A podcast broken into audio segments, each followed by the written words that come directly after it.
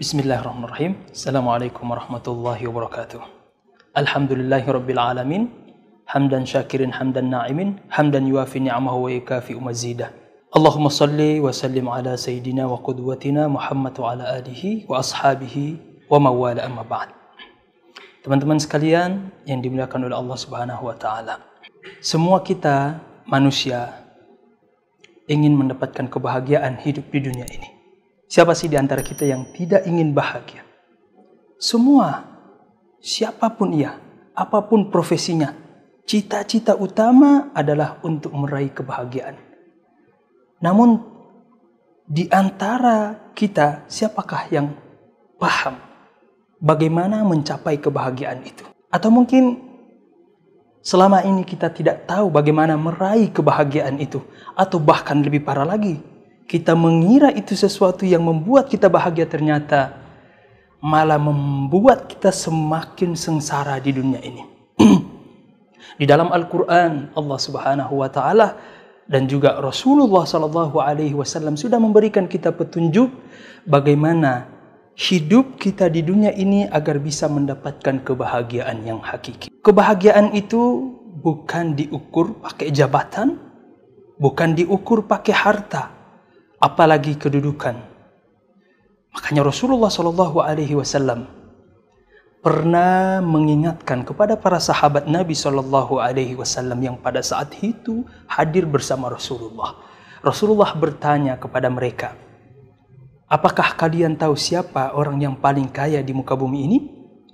Para sahabat sontak menjawab, mereka yang punya harta ya Rasulullah. Kemudian disampaikan Rasulullah Shallallahu Alaihi Wasallam mengabarkan kepada para sahabat, "Laisal gina bi kathratil mal, walakinnal gina ginan nafas." Orang yang kaya itu bukan yang memiliki harta, bukan yang mempunyai setumpuk harta, tapi mereka yang mempunyai jiwa yang lapang. Ini kata kunci untuk meraih kehidupan yang bahagia. Di dalam Al-Quran Allah subhanahu wa ta'ala juga memberikan isyarat bagaimana kita menjalani kehidupan dunia ini agar kita bisa mendapatkan kebahagiaan. Ternyata teman-teman sekalian, satu kata kunci di dalam Al-Quran Allah subhanahu wa ta'ala menyebutkan Alif lam mim ahasiban nasu ayyutraku ayyakulu amanna wahum la yuftanun walaqad fatanna alladhina min qablihim ولا يعلمن الله الذين صدقوا ولا يعلمن الكاذبين Allah subhanahu wa ta'ala memberikan isyarat dalam ayat ini apakah manusia mengira mereka akan enak mereka akan begitu mudah mengucapkan kata-kata iman kepada Allah tanpa diuji Sungguh dengan ujian itu Allah akan mengetahui siapa yang benar-benar beriman kepada Allah dan siapa yang hanya sekedar pemanis lisan saja. Ketika kita mengetahui dan memahami konsep ini maka kita akan mengetahui hakikat bahagia.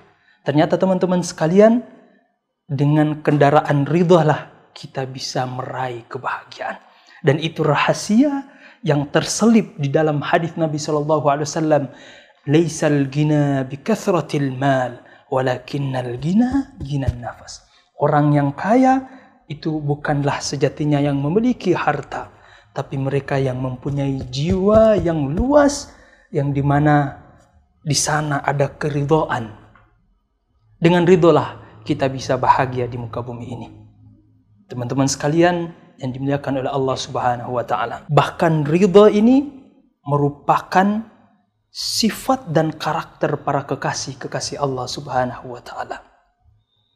Allah Subhanahu wa taala menyebutkan di dalam Al-Qur'an karakter para kekasih Allah adalah radhiyallahu taala anhum wa radu'an. Allah meridhai mereka dan mereka juga meridhai Allah. Inilah karakter dari para kekasih-kekasih Allah dan ini ternyata yang menjadi rahasia untuk hidup bahagia di muka bumi ini. Orang yang tidak memiliki ridha di dalam dadanya dia akan suntuk, dia akan murka dengan ketetapan Allah bahkan walaupun dia memiliki harta dan dunia seisinya. Tapi ketika dia tidak memiliki ridha di dalam hati, maka ketahuilah orang yang seperti inilah adalah orang yang paling sengsara di muka bumi ini. Dan Al-Quran sudah menyebutkan berbagai macam contoh orang-orang yang Allah berikan kelapangan harta, tapi sempit tidak menerima ketetapan Allah Subhanahu wa taala. Ada Qarun, ada Firaun yang justru Allah tenggelamkan dengan dunia Semakin Allah buka kepada mereka pintu dunia, semakin sengsara mereka. Kenapa? Karena mereka tidak memiliki ridha.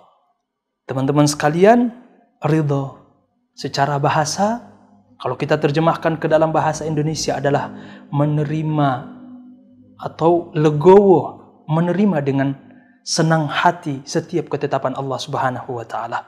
Bahkan para ulama kita al-arifin mereka mendefinisikan ridha itu sebagai as-sururul qalbi bimurril qadha. Bahagia ketika menerima ketetapan Allah Subhanahu wa taala. Dan ini sangat sulit.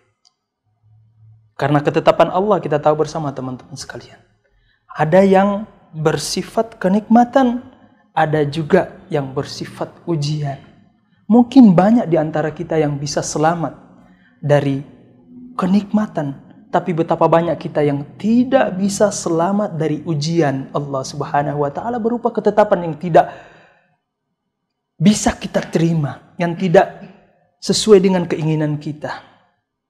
Nah, dengan ridola kita bisa menerima segala ketetapan Allah dan orang yang memiliki ridha adalah orang yang akan selamat di dunia dan di akhirat. Orang yang paling bahagia di dunia dan di akhirat. Makanya teman-teman sekalian di dalam salah satu riwayat yang sangat masyhur Rasulullah menyebutkan orang-orang yang paling bahagia di muka, di muka bumi ini adalah orang-orang yang bisa menerima ketetapan Allah Subhanahu wa taala. Teman-teman sekalian yang dimuliakan oleh Allah Subhanahu wa taala. Dengan ridha inilah kita bisa bahagia di muka bumi ini. Bahkan kalau kita lihat karakter dunia ini yang penuh dengan ujian, cobaan, maka tidak ada kata kunci lain selain kita ridha dengan ketetapan Allah agar kita bahagia di dunia ini. Rasulullah SAW pernah mengingatkan kepada kita bahwa dunia ini adalah si sijnul mu'min wa jannatul kafir.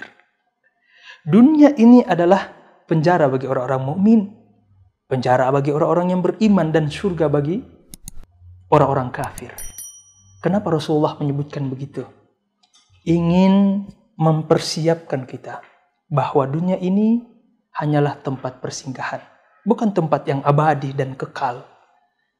Maka sepatutnya kita tidak terlalu bergelimang bahkan tidak terlalu hanyut dengan kehidupan dunia. Dunia hanyalah sementara Bahkan dia hanya tempat persinggahan bagi kita agar kita bisa sadar bahwa tujuan kita kehidupan yang kekal dan abadi adalah kehidupan akhirat. Maka selayaknya bagi kita mempersiapkan bekal di dunia ini termasuk menghadapi segala cobaan di dunia dengan sikap ridha. Teman-teman sekalian, suatu ketika Sufyan Ats-Tsauri Nah, Sufyan Ats-Tsauri ini salah satu di antara murid dari Rabi'atul Adawiyah. Siapa Rabi'atul Adawiyah? Seorang sufia, ya, seorang ahli hati yang terkenal di zamannya. Dan Sufyan Ats-Tsauri, seorang ulama ahli hadis, ternyata beliau berguru kepada para sufi. Suatu ketika beliau mendatangi Rabi'ah yang sedang uh, duduk disebutkan dalam riwayat itu sedang mengajarkan kepada murid-muridnya. Datang Sufyan Ats-Tsauri kemudian meminta doa kepada Rabi'ah dengan mengatakan Allahumma ridha anni. Wahai Rabi'ah, wahai guruku, tolong aminkan doaku yaitu semoga Allah meridhoi saya. Apa kata gurunya? Rabi'atul Adawiyah menyindir beliau Sufyan Ats-Tsauri Ya Sufyan, ama tastahi minallah an tas'alahu ridha wa anta anhu ghairu radin. Kata Rabi'atul Adawiyah, wahai Sufyan Ats-Tsauri, tidakkah kamu malu kepada Allah Subhanahu wa taala? Kamu meminta agar Allah meridhoimu sedangkan kamu tidak pernah ridho dengan segala ketetapannya. Apa kata Sufyan Ats-Tsauri sembari mendengarkan nasihat sang guru? Seketika itu beliau mengucap astagfirullah. Beliau mohon ampun kepada Allah Subhanahu wa taala.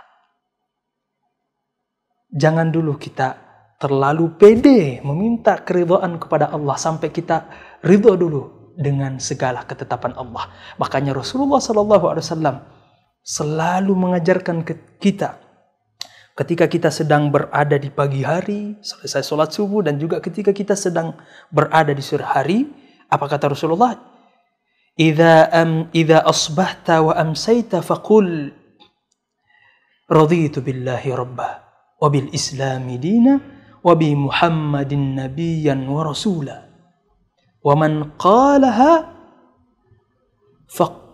faqad haq faqad haqqan 'ala Allah an yurdihi atau kama qila Rasulullah sallallahu alaihi wasallam disebutkan dalam riwayat bahwasanya Rasulullah mengajarkan kepada kita barang siapa yang setiap pagi dan petang mengucapkan raditu billahi rabbah saya ridha dengan Tuhanku Allah wabil islami dina dan Islam sebagai agamaku wabi Muhammadin nabiyya wa rasulah dan Muhammad sebagai rasul dan nabiku maka kata Rasulullah sallallahu alaihi wajib baginya untuk mendapatkan keridhaan Allah Subhanahu wa taala. Namun seperti apa gambaran real dari hadis ini? Apakah hadis ini hanya berupa susunan huruf atau ada makna di balik huruf-huruf tersebut? Ada pesan tersirat yang ingin Rasulullah sampaikan kepada kita melalui doa yang diajarkan kepada kita. Ternyata setelah dikaji oleh para ulama kita, maka seorang mukmin tidak akan ridha sampai dia melewati proses ridha tiga ini, yaitu ridha kepada Allah, ridha kepada Islam, dan ridha kepada Nabi Muhammad. Bagaimana caranya? Ridho kepada Allah Subhanahu wa taala adalah ridho dengan segala ketetapan Allah, menerima segala keputusan dan takdir Allah yang baik maupun yang buruk kepada kita. Karena teman-teman sekalian, ketetapan Allah itu pasti baik kepada kita. Pasti baik kepada kita. Apa pun itu, bahkan ketika kita menilai itu sebagai keburukan, bahkan ketika dia memberikan efek yang tidak baik kepada kita, ketahuilah itu sangat baik bagi kita wa an takrahu syai'an fa'asa ayyaja'alallahu khairan fihi katsira fihi khairan katsira. Disebutkan di dalam Al-Qur'an Allah Subhanahu wa taala berfirman, bisa jadi yang kamu anggap itu sebagai buruk itu ternyata sangat baik di sisi Allah Subhanahu wa taala. Betapa banyak teman-teman sekalian orang yang tidak bisa membaca pesan-pesan cinta agar hamba tersebut bisa kembali kepada Allah Subhanahu wa taala kecuali dia diuji dengan harta, kecuali dia diuji dengan kemalangan. Betapa banyak orang yang bisa kembali kepada Allah Subhanahu wa taala setelah dia diuji dengan kematian, setelah dia diuji dengan harta, kemiskinan dan sebagainya. Makanya kata para ulama kita, al-musibatu allati tuqarribuna ila Allah khairun minan ni'amillati tub'iduna anillah. Musibah-musibah yang bisa mendekatkan kita kepada Allah Subhanahu wa taala itulah yang paling baik bagi kita ketimbang nikmat yang justru menjauhkan kita dari Allah Subhanahu wa taala. Maka itu teman-teman sekalian, mari kita hujamkan di dalam dadah kita ridho kepada Allah Subhanahu wa taala, ridho kepada Islam sebagai agama kita, ridho dengan aturan-aturan Islam, ridho dengan perintah dan segala larangan yang telah diatur di dalam Islam. Dan ridho kepada Nabi Muhammad sebagai utusan Allah. Ridho mencintai keturunan Nabi Shallallahu Alaihi Wasallam. Maka kita akan menjadi hamba Allah Subhanahu wa taala yang mendapatkan predikat radhiyallahu anhu waradu'an. Allah ridho kepada mereka dan mereka ridho kepada Allah subhanahu wa ta'ala. Billahi taufiq wal hidayah. Assalamualaikum warahmatullahi wabarakatuh.